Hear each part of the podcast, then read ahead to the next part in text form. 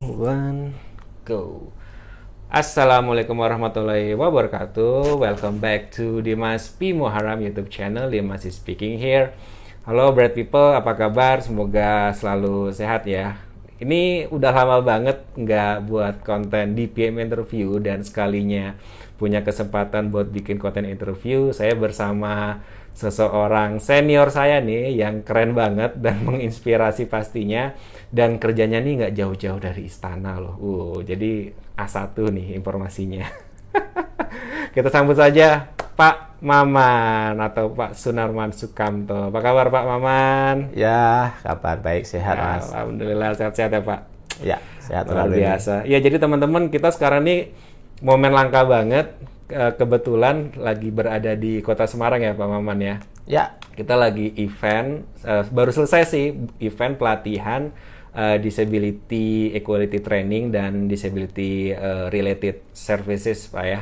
Eh, di tim BIT Indonesia. Jadi saya dan juga Pak Maman kita berada di tim BIT Indonesia dan ada salah-salah waktu dipakailah kita buat interview dan berbagi inspirasi nih.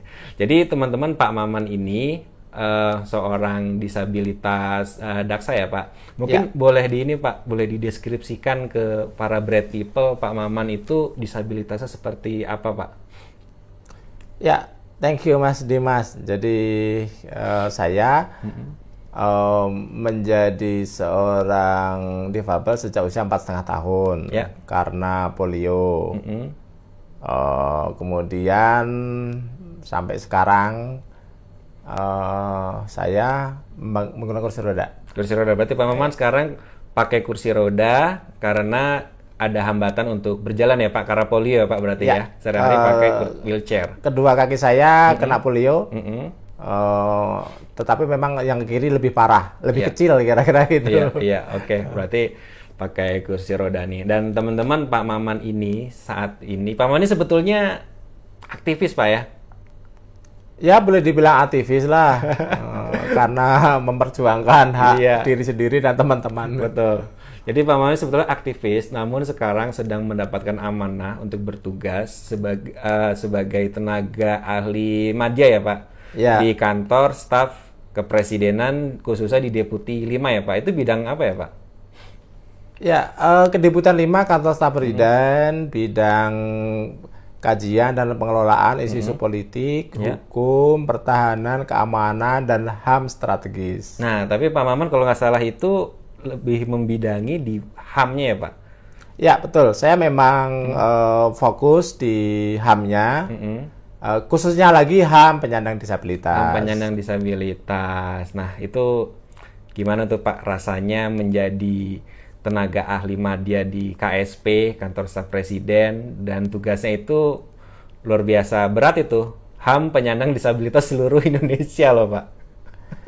Gimana Pak? Eh, rasanya ya antara ya bangga bekerja di eh, kantor staf kepresidenan, Ya. tapi sekaligus eh, ya katakanlah eh, tertantang gitu ya, Iya. merasa tertantang karena eh, penyandang disabilitas ini kan memang urusannya itu cukup kompleks gitu ya Betul banget. lintas sektor gitu.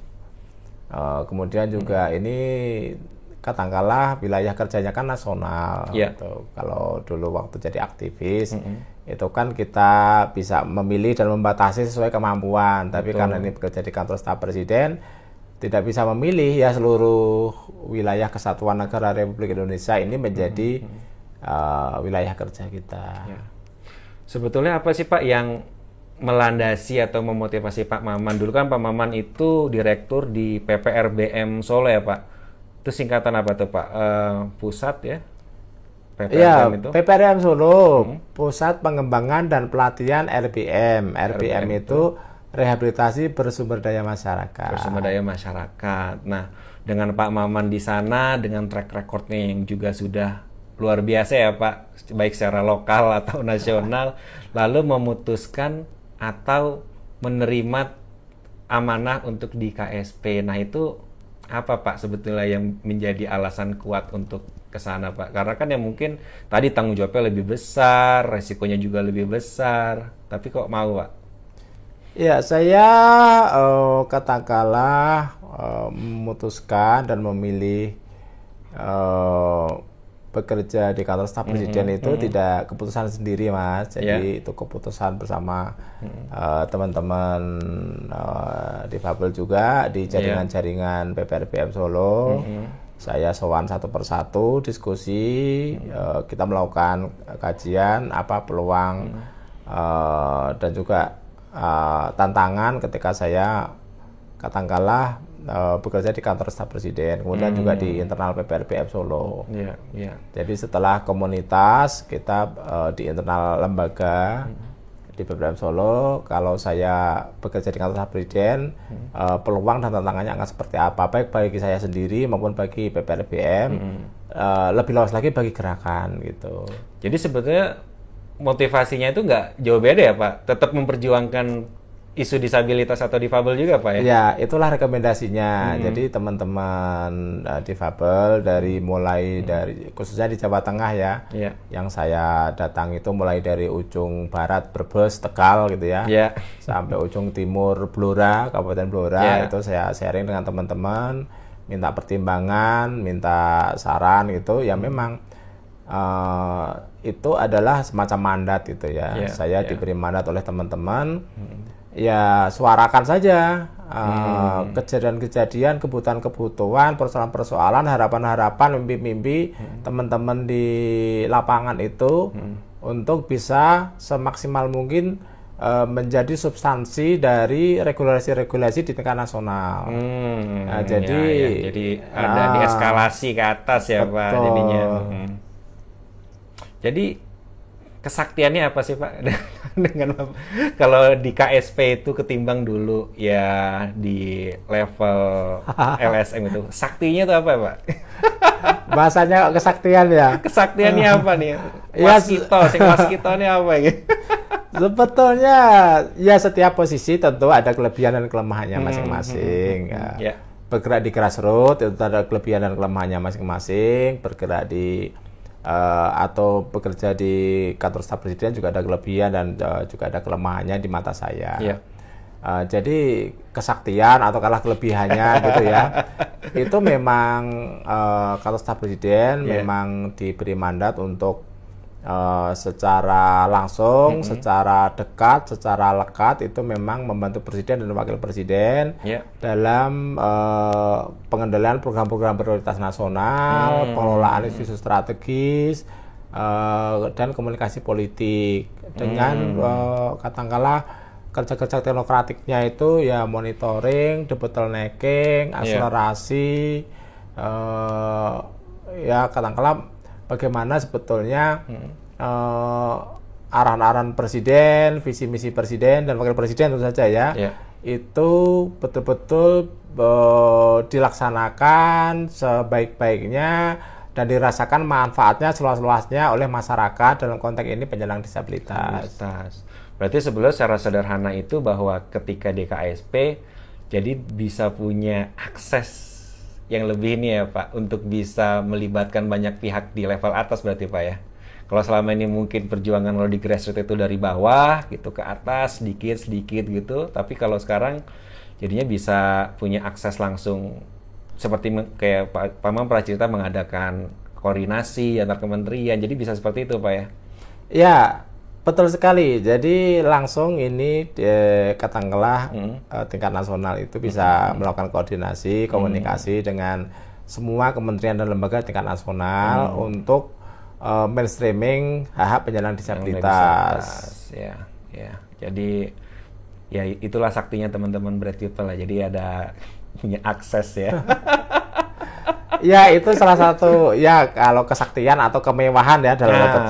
kemewahan yang itu tidak saya miliki waktu di grassroots ya. Yeah. Di grassroots yeah. kan ya kita bergeraknya mm -hmm. tadi yang Mas Dimas sampaikan itu bottom up yeah, gitu. Yeah. Tapi kalau uh, apa di KSP di sini itu kita mm -hmm. lebih uh, apa menggelurakan eh, proses maupun substansi dari regulasi nasional itu eh, jangan jauh-jauh dari aspirasi publik gitu.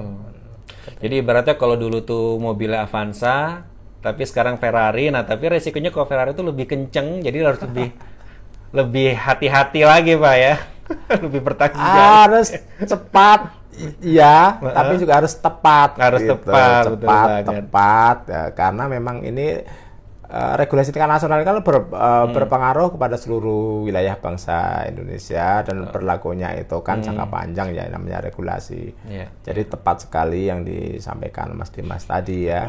Jangan sampai eh, salah gitu. Kalau Iya. kalau ada kesalahan atau ada kelemahan di sana, koreksinya itu juga butuh proses lagi dan itu tidak mudah. Betul. Ya, saya juga meskipun sedikit banyak lah masih di level ya krucil lah Pak Ah, di pemerintahan cuman ya sedikit banyak tahu lah ya.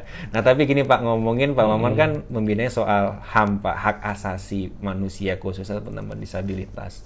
Nah, salah satu hak teman-teman disabilitas itu adalah kan hak pekerjaan ya Pak. Ya, yang betul. di yang di uh, apa dijamin oleh undang-undang penyandang disabilitas. Nah, menurut Pak Maman gimana Pak kondisi atau situasi saat ini Pak untuk em, apa ya kondisi teman-teman tuh khususnya di bidang tenaga kerja lah Pak. Apakah setelah ada undang-undang nomor eh, tahun 2016 itu sudah membaik atau gimana sih Pak yang sudah yang pemerintah tuh inginkan sebetulnya? Ya, ya. eh, sebetulnya pemerintah itu kan eh, ingin sebaik-baiknya melaksanakan eh, amanat afirmasi ya, Ya. afirmasi yang diamanatkan oleh undang-undang.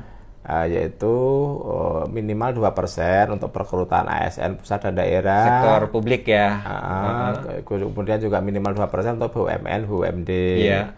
Kemudian minimal 1% untuk perusahaan swasta. Iya. Nah, saat ini perjalanannya cukup progresif. Ini kita eh, sedang bicara eh, progresnya ya. Iya. Eh, yang pertama hal yang baik. Nah, hal yang baik itu dari sisi regulasi pelaksanaan itu makin eh, katakanlah eh, makin memudahkan eh, untuk memperluas dan mempercepat. Jadi mempermudah, memperluas dan mempercepat hak penyandang untuk direkrut menjadi ASN. Ya salah satu jadi ASN itu ya Pak. Ya, eh, kemudian juga mempermudah, mempercepat dan memperluas disabilitas untuk masuk BUMN dan BUMN, BUMN. swasta. Tapi ini dari sisi regulasinya ya cukup progresif. Artinya misalnya dulu eh, penyandang disabilitas hanya boleh masuk jalur afirmasi khusus penyandang disabilitas. Iya. Tapi begitu ada kasus dokter gigi Romi, Ah, kemudian betul. dievaluasi bersama, Iya. kemudian oke penyandang disabilitas boleh masuk jalur afirmasi khusus penyandang disabilitas, tapi juga boleh masuk jalur umum, boleh masuk jalur kumlot, boleh masuk jalur Papua karena Iya. memang misalnya penyandang disabilitas itu dari Papua misalnya. Tetapi memang kalau eh, apa masuk atau mendaftar di formasi selain formasi khusus penyandang berarti resikonya ya manut aturan formasi Ya, tersebut. aturan main yang ada di formasi Aturan main itu. di formasi itu. Betul. Eh, jadi memang kalau dari cerita saya sedikit tadi, Hmm. Regulasi terus terus eh, Diperbaiki ya, Pak? diperbaiki. Iya. Tapi memang masih ada kasus-kasus yang memang harus kita kawal. Betul, gitu. betul. Dan itu jadi salah satu tugas Pak Maman juga jadinya ya. Salah satunya. Memantau, mengawal itu ya Pak. Karena kan ya saya juga tahun 2017 tuh ibaratnya salah satu produk lah ya dari formasi khusus Betul. disabilitas itu gitu dan mengalaminya sendiri gitu. Dan lumayan mas. Jadi tahun 2017 itu kan 130. Iya. Lalu 2018 eh, itu ada 1800. Wah, drastis Pak ya. Iya, drastis.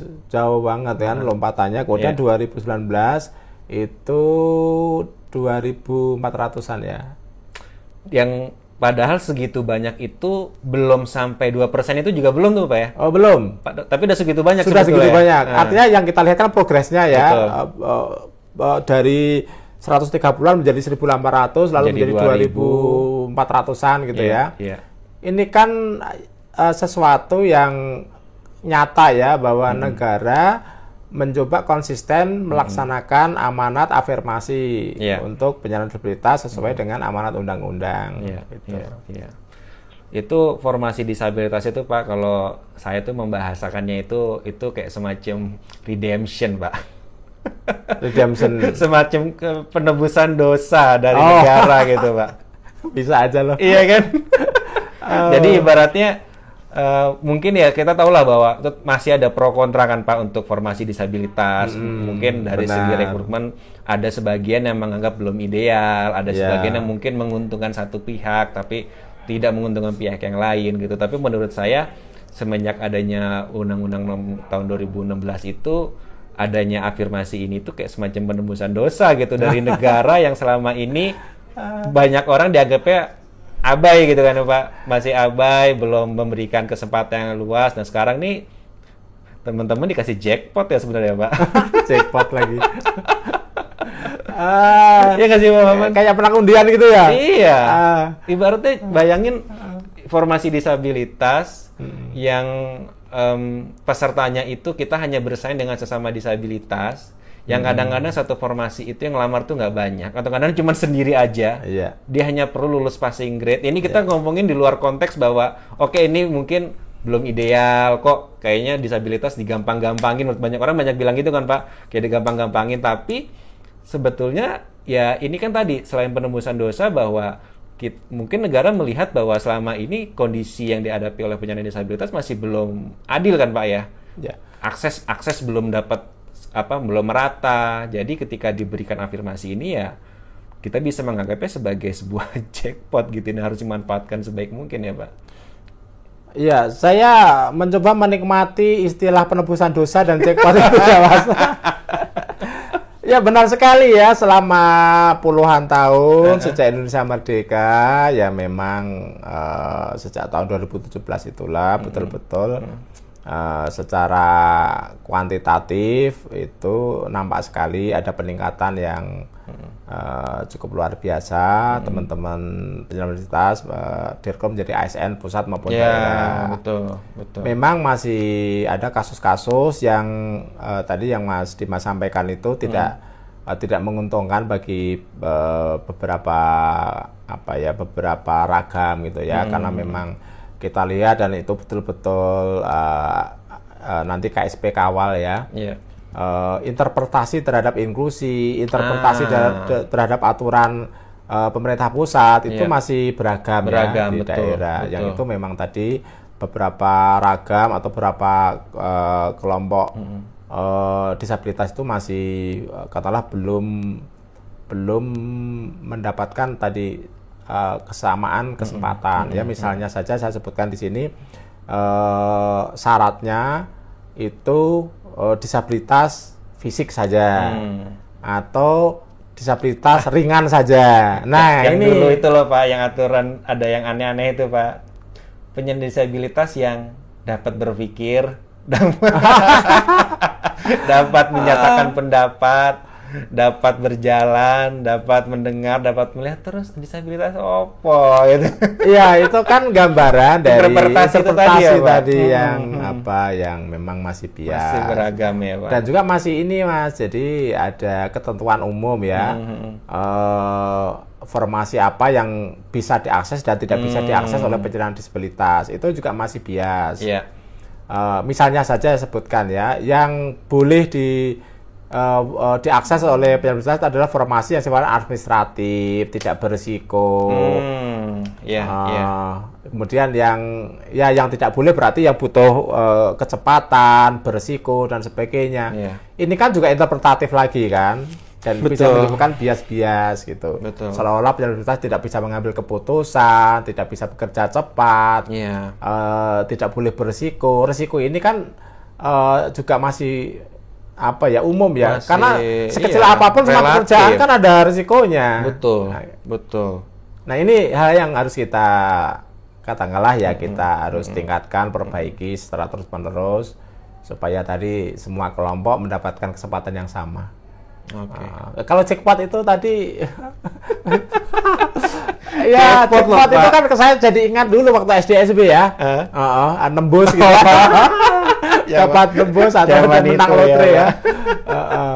Tapi itu ya ada benarnya juga, Hmm. artinya memang apa eh, penebusan dosa yang eh, lama sekali Iya. teman-teman ini dijadikan objek saja Iya. dengan pendekatan eh, charity atau belas kasihan. Nah sekarang dibuka lebar-lebar. Sebenarnya kan eh, negara ini, terutama arahan Pak Presiden kan bukan hanya ASN ya, Ya. termasuk juga eh, teman-teman atlet ya, Ah, atlet difabel ya ya ya itu juga kan. banyak tuh teman-teman Oh saya iya, gitu. sejak ASEAN Para Games itu bonusnya sama loh. Sebelum 2018 itu, wah jauh banget. Jackpot lagi. Nah, jackpot lagi. Eh, kemarin atlet difabel yang pulang dari Olimpiade ya? eh, para Paralimpik Oh iya Tokyo itu tiga belas setengah miliar loh. Satu orang. Satu orang karena meroleh beberapa medali emas. Aduh, saya kayaknya harus mulai perunggu. ngurusin badan buat jadi atlet nih. Ah gitu. eh, tapi jangan sampai mundur dari ASN Oh, enggak, nah, enggak, demi enggak. atlet nanti kalau bisa, gimana? kalau bisa dua-duanya pak. Oh begitu, Nah, saya doakan. Bapak sambil lihat itu masih jalan nggak? masih masih. Masih ya, oke. Masih. Sorry nih. Ada merah-merahnya tuh yang di, di atas itu, kayaknya masih jalan. masih ya. Hmm. Ya, ntar kalau nggak jalan disuruh jalan lah. Oh gitu. pakai kursi roda kalau perlu. Hah? Pak, suruh jalan pakai kursi roda biar cepat. iya, oh iya. iya, jadi gitu ya teman-teman. Jadi kadang-kadang saya di sini tuh ini sering ngikutin kursi rodanya Pak Maman di belakang. Eh, kadang-kadang malah lebih cepat Pak Maman ininya. Saya jadi lari-lari di belakang. saya itu eh, apa ya eh, ya karena terbiasa pakai kursi roda setiap Hmm. hari itu kan kalau roda itu kan gelinding ya. Iya. kalau tidak ada hambatan itu cepat. Nah Hmm. saya kadang-kadang lupa kalau di belakang saya itu ada Mas Dimas. Kan lebih baik saya diem aja tangan saya didorong Mas Dimas kan? Iya, iya. ternyata tangan saya itu semacam semi otomatis gitu ngayo Nah, ngomongin tadi Pak, rodanya nggak ada hambatan Pak, tapi kan eh, Pak Maman juga kadang-kadang sering menemukan kalau di kursi roda itu kan ya kalau pas di bidang yang licin nggak ada hambatan bisa kenceng, tapi kalau pas di karpet malah jadi lambat kan. Iya, betul. Nah, itu juga kadang-kadang kan yang dialami juga nih Pak oleh teman-teman. Jadi udah dapet jackpot, udah ada em, tadi yang penebusan dosa negara tadi, formasi disabilitas. Iya. Tapi kadang-kadang kok masih tetap ada persoalan gitu loh Pak di dalam Iya. dari teman-temannya sendiri, teman-temannya yang disabilitas Pak. Kalau nggak salah Pak Maman sempat ini ya dengar juga ya beberapa teman-teman yang mungkin mengalami eh, nggak tahu ya mungkin seperti ada yang merasa kurang nyaman di tempat kerja atau bagaimana itu sempat dengar gitu juga ya Pak? Iya, karena saya kan juga ikut eh, WA grup ASN inklusif Oh iya ya. kita kasih inklusif ya. Kemudian juga saya juga kenal dan eh, bahkan teman-teman sebelum Hmm. mendaftar itu kan cukup banyak teman-teman yang minta informasi kepada saya Iya. dan setelah ter apa eh, terrekrut atau Hmm. lolos menja- akhirnya menjadi ASN itu juga memberitahu saya sharing Iya. begitu. Memang eh, menjadi ASN sudah tercapai, Iya. tetapi itu kan baru awal sebetulnya. Ya itu baru ya start aja itu Pak. Iya, Benar. baru start. Perjuangan Nah. masih jauh. Oh, ma- masih awal kan? Masih awal Oh. banget. Nah, harapan saya kan bukan harapan dalam konteks membebani enggak, tapi eh, semakin banyak penyandang disabilitas yang masuk ke dalam sistem pemerintahan itu kan bisa day by melakukan eh, apa ya advokasi gitu, Iya. melakukan sosialisasi, membangun komunikasi, Hmm. memberikan eh, inspirasi atau input-input Iya. secara langsung gitu. Eh, tetapi memang sampai eh, hari ini eh, cukup banyak teman-teman yang eh, katakanlah eh, merasa belum ideal ya suasana di tempat kerja, aksesibilitasnya belum ideal, atmosfer kerja belum ideal, Iya. support system belum berjalan. Bahkan ada teman-teman yang eh, sudah ancang-ancang, waduh kalau kayak gini saya jadi tertekan nih Pak Maman, saya ingin mundur aja. Ah, di situ saya eh, memberikan masukan teman-teman, ayo jangan jangan ini nggak mudah ini. Padahal masih baru ya Pak. Oh, iya, Belum masih setahun ya, baru. jangan? Iya.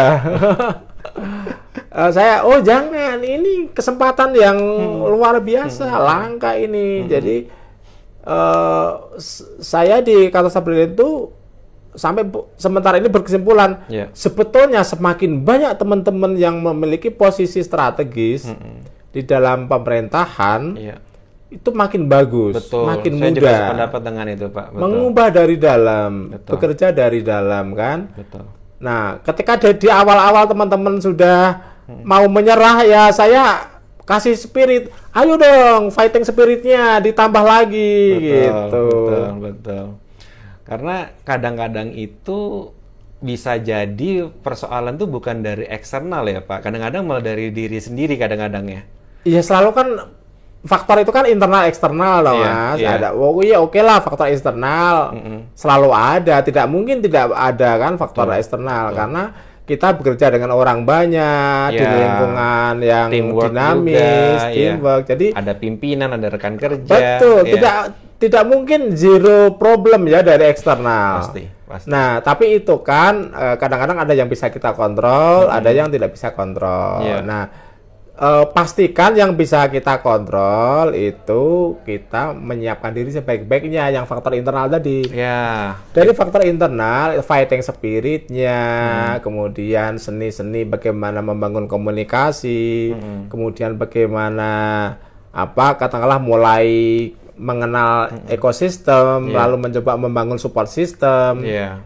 Nah, ini tentu effort yang eh, butuh fighting spirit dari internal, kemudian juga membekali dengan pengetahuan-pengetahuan terbaru. Ya, Eh, kalau perlu ya eh, ekstra lah gitu mencari informasinya, jangan katakanlah menunggu saja. Ya Iya, ini iya. yang saya katakan tadi. betul. Karena menurut saya gini ya, Pak, kalau kita nih sebagai penyandang disabilitas ya, kan kita tahu bahwa ya Tuhan itu meng- menakdirkan kita seperti itu pasti tanpa nggak mungkin tanpa alasan kan, Pak. Kalau kita seperti ini ini kan berarti kita tuh sebetulnya kuat gitu kan. Iya nggak, Pak? Ketika kita punya kekurangan, punya keterbatasan tapi kita masih bisa eksis sampai sekarang itu berarti kita kuat. Jadi sebetulnya kita tuh sebetulnya untuk tantangan-tantangan seperti itu harusnya kita tuh bisa gitu ya Pak. Dan untuk bekerja lebih keras, berjuang lebih keras tuh harusnya itu udah makanan sehari-hari lah ya.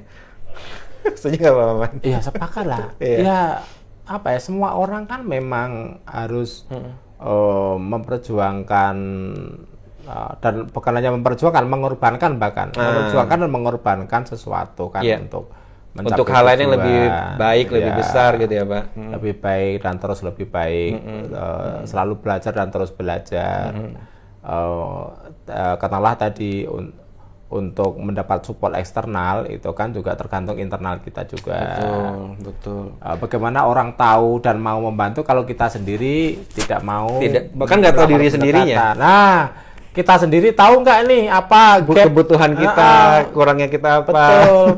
Gap antara tugas dengan kemampuan dan kesiapan kita itu tahu nggak kita ini? Mm-mm. Gitu. Gap itu maksudnya ketidak eh, apa ya ketidakseimbangan antara tuntutan tugas dengan kemampuan diri Yes. gitu.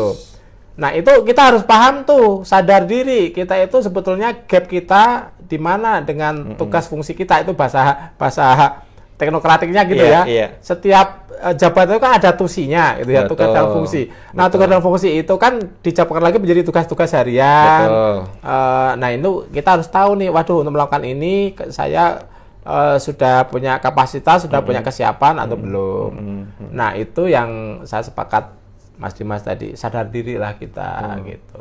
Ya makanya saya itu juga Pak yang buat saya tuh sadar diri ketika masuk di Kemendikbud kayak masih aduh cara keilmuan kayaknya kurang banget nih udah lulus kuliah udah kelamaan gitu kan. Terus ini hal baru juga. Dulu kita eh, pas di jurusan sastra itu kan yang ngomonginnya masalah apa kewilayahan, terus juga masalah ini kok tiba-tiba kita ngurusin pendidikan, penilaian lagi gitu kan. Waduh benar-benar butuh belajar akhirnya Oh. cari deh beasiswa kuliah lagi gitu kan. Oke, nah itu yang saya maksudkan eh, menyadari eh, diri sendiri Iya. dalam artian cita-citaku apa, eh, eh, mandat yang diberikan padaku apa, Iya. lalu eh, sejauh mana Hmm. dan apa saja gapnya dan apa yang bisa saya lakukan. Yes. Kalau bisa kemampuan kita itu paling tidak seimbang dengan Hmm. uh, mandat kita. Supaya apa? Supaya kebijakan afirmasi yang sudah diberikan oleh negara kita itu tidak menimbulkan uh, katakanlah eh disappointed ya publik maupun ini eh, Mengecewakan kolega ya, gitu mengecewakan Iya, ya. mengecewakan gitu Mm, mm, mm. jangan sampai nih semoga tidak terjadi ya Iya, iya. tuh kan dikasih kesempatan juga tuh kan nah ini bisa bisa malah makin tebal ini nanti Iya, iya. ini ya apa ketidakpercayaan itu jadi Betul. please teman-teman tambah fighting spiritnya upayakan terus mempersiapkan diri membekali diri Iya. supaya bisa minimal seimbang dengan mandat amanat yang melekat pada eh, posisi kita sebagai ASN Setuju banget Pak. Apalagi ibaratnya kita itu dengan sistem baru sekarang ini ketika sistemnya udah merito meritokrasi ya Pak. Jadi kita ngelamar aja itu bener-bener nggak butuh ya nggak butuh apa-apalah cuman butuh ngumpulin berkas bahkan kalau dulu aja sistem kita belum tes aja udah disuruh surat yang mahal-mahal kan pak SKCK surat kesehatan sekarang kita suruh tes dulu lulus baru disuruh tes kesehatan Loh, iya, Iya benar kan? sekali. Tadi kan itu bagian dari banyak kemudahan dosa jadinya. kan. Jadi- Iya. Terus juga kalau yang dulu zaman dulu ya kita ngomong zaman dulu banget ya Pak. Hmm. Oknum-oknum kan banyak yang kayak dulu kan image-nya kalau masuk PNS itu pasti ada ya ada itunya lah kan Pak, ada. Iya. suapnya segala macam. Sekarang bener-bener bersih, nggak ada apa-apa. Tinggal kita modal kita mau berjuang, mau belajar. Nah, ketika sudah dapat jangan sampai jangan sampai banget tuh disia-siakan ya Pak. Ya, itu kan amanat reformasi ya, Betul, Mas. Ya. Salah betul. satu amanat reformasi kan reformasi birokrasi. Ya. Salah satunya merupakan sistem meritokrasi dengan transparansi eh, seleksi ASN kita. Hmm. Betul, betul. Karena tidak mungkin reformasi birokrasi berjalan kalau ASN-nya tidak memiliki eh, tadi semangat eh, meritokrasi tadi Meritokrasi tadi, sesuai iya. kompetensi. Kemudian, nah seleksi ASN kan terbuka. Hasilnya apa langsung dimonitor. Iya. Nggak bisa tipu-tipu, apalagi tadi Sekarang udah bisa KTP lagi. Atau O Udah- amplop. itu udah cerita lama Nggak itu. bisa itu. Cerita lama itu. Ya, sudah selesai Iya. gitu. Ya, jadi emang luar apa ininya dan dan jadi yang bisa kita lakukan sekarang itu adalah ya tadi yang bisa kita kendalikan ya Pak. Iya. Kita harus menunjukkan fighting spirit, kita daya juang kita gitu. Meskipun kita tahu pada faktanya mungkin ada faktor-faktor eksternal tadi ya Pak dan itu sudah dikawal nih oleh Pak Maman dan KSP dan banyak stakeholder yang lain untuk mengawal itu ya Pak. Ya, Seperti jadi itu. kalau ada yang apa pemahaman dan praktek yang masih bias, masih diskriminatif, itu terus kita evaluasi, Iya. kita perbaiki, kita sempurnakan. Tetapi memang eh, tadi saya sampaikan tidak mungkin ada zero problem. Betul. Eh, Masalah-masalah itu justru kita menjadi ASN itu kan untuk menyelesaikan masalah gitu ya. Jangan Iya, menjadi bagian setuju. dari masalah kan. Setuju banget, Pak. Eh, kalau kita hanya bisa komplain menjadi pelayan komplain, masyarakat komplain, loh Pak. eh, Iya. Judulnya ASN itu pelayan publik. Exactly.